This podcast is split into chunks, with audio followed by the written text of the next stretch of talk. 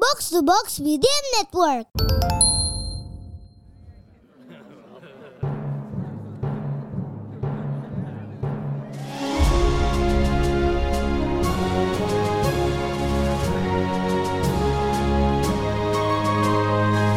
Perhatian, perhatian. Dongeng Paman Geri akan segera dimulai.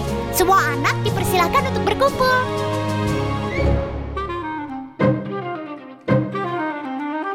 Halo adik-adik pendengar podcast Dongeng Paman Geri. Wah, apa kabar? Ada yang sekarang udah mulai masuk ke musim hujan ya? Oh, iya beberapa waktu yang lalu ada hujan deras turun di kota Jakarta. Nah, ada juga yang kalau menghadapi hujan sukanya pakai payung.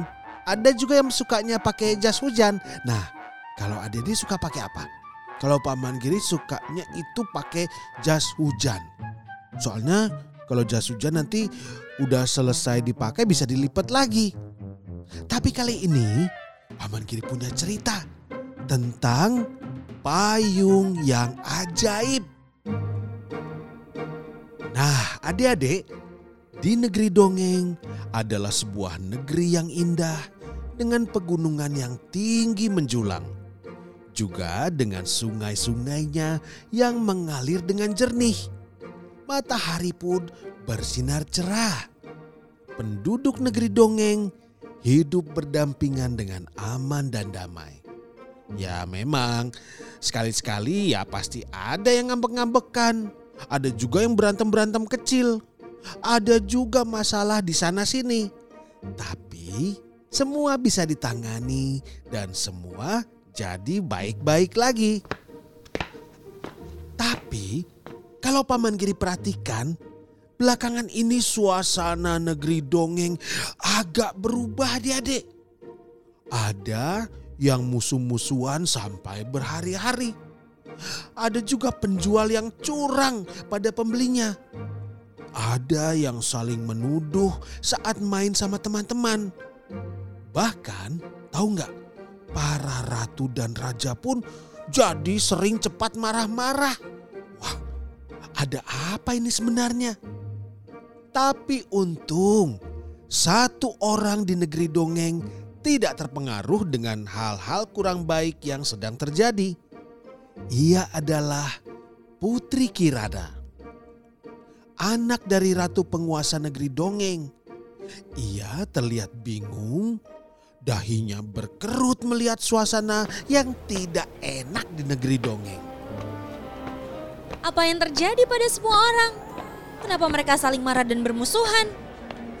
Kepala koki, pengawal kerajaan, sampai ibu dan ayahku pun berlaku aneh. Aduh, apa yang harus aku lakukan? Putri Kirana menjauh dari aula istana yang riuh rendah dengan orang-orang yang berdebat dan marah-marah. Ia pergi ke taman istana untuk berpikir dan menenangkan diri. Taman istana memang cantik sekali. Banyak bunga berwarna-warni dan ada sebuah pancuran air kecil di tengahnya. Haha, mungkin inilah jawabannya. Dulu aku pernah melihat ibu memanggil dua detektif cilik lewat pancuran ini. Siapa ya nama mereka? Eh, em, salah satunya anak laki-laki bernama Nara. Ya, betul, Nara. Lalu adiknya bernama Aduh, aku lupa. Mungkin mereka bisa membantu, tapi bagaimana caranya? Tiba-tiba saja pancuran kecil itu airnya berputar-putar membuat sebuah pusaran air yang semakin lama berputar dengan semakin cepat. Semakin cepat sampai akhirnya muncullah dua orang anak dari dalam pusaran air itu. Anehnya, mereka tidak basah kuyup dan bisa langsung berdiri di tepi pancuran air. Putri Kirana takut sekali. Ia sampai menutup matanya. Halo, aku Nara. Dan ini kakak aku, Ayesha. Kami dari rumah pohon ajaib. Ada yang bisa aku bantu? Nara, biasanya kan Ratu Negeri Dongeng yang memanggil kita ke sini. Tapi Ratu kok nggak kelihatan? Eh, ini Putri Kirana ya? Halo, aku Ayesha. Iya. Aku Putri Kirana. Maaf, tadi aku memanggil kalian. Tapi Tidak apa-apa kok. Kami tadi lihat Putri di cermin rumah pohon ajaib. Putri Kirana lagi sedih ya. Iya, wajah Putri sedih dan bingung sekali. Ada apa Putri? Cerita yuk. Putri Kirana, Nara dan Ayesha pun duduk di kursi taman. Putri Kirana menceritakan semua yang terjadi di negeri dongeng belakangan ini. Eh, adik-adik masih ingat kan dengan Nara dan Ayesha? Nah, dulu Paman Giri pernah cerita tentang mereka. Nara dan Ayesha adalah kakak beradik yang suka jadi detektif cilik kalau lagi liburan. Mereka itu punya rumah pohon ajaib di rumahnya yang bisa mengirimkan mereka ke mana pun mereka dibutuhkan. Nah, setelah Putri Kirana selesai bercerita, Ayesha membaca kembali catatan yang dibuatnya. Dia memang selalu membawa buku kecil untuk mencatat segalanya. Sementara itu, Nara mengenyitkan dahinya lalu bertanya lebih lanjut pada Putri Kirana. Putri Kirana, ada yang berbeda nggak di negeri dongeng? Apa ada sesuatu yang hilang? Atau tiba-tiba muncul belakangan ini? eh beberapa hari ini aku melihat awan yang sangat gelap di atas negeri dongeng. Tapi hujan tidak juga turun. Udara jadi terasa panas, pengap, dan siang pun jadi gelap. Apakah itu penyebabnya? Hmm, sebentar. Ku catat dulu ya di buku.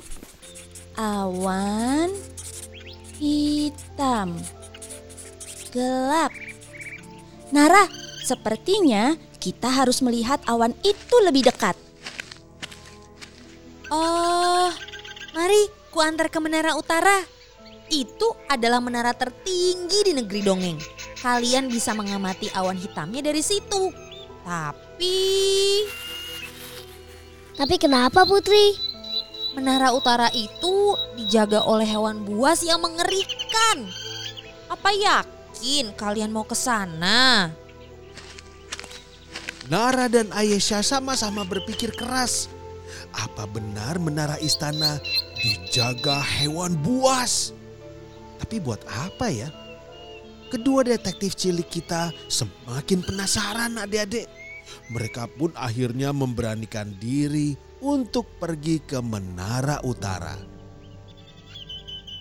Putri Kirana menunjukkan jalan bagi Nara dan Ayesha.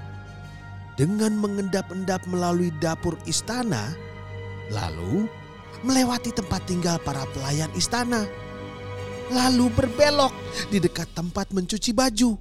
Nah, di situ ada tangga melingkar yang besar dan kelihatannya tinggi sekali. Nara dan Ayesha mulai menaiki tangga. Berbekal senter yang mereka bawa dari rumah. Putri Kirana menunggu di bawah dengan cemas. Sambil tetap waspada mengawasi keributan-keributan kecil di dalam istana. Sementara itu, Nara dan Aisyah mulai terengah-engah. Ternyata anak tangganya banyak sekali. Mereka pun beristirahat sebentar sambil menyender di tembok menara. Saat nafas mereka mulai teratur lagi, terdengar suara dari atas menara. Nara, itu suara apa? Itu suara singa ya? Bagaimana ini? Apa kita turun saja? Tapi kita kan sudah bilang mau bantu Putri. Jadi kita terus aja yuk. Pelan-pelan, jangan berisik. Aduh, suaranya terdengar lagi. Suara apa itu? Eh, Itu hewan buas atau apa ya? Oh, ternyata benar ada yang menunggu Nara dan Ayesha di puncak menara itu. Yaitu ah, ah, ah, gini aja, kita dengarkan lanjutannya di episode berikutnya ya adik-adik ya. Apa ya itu?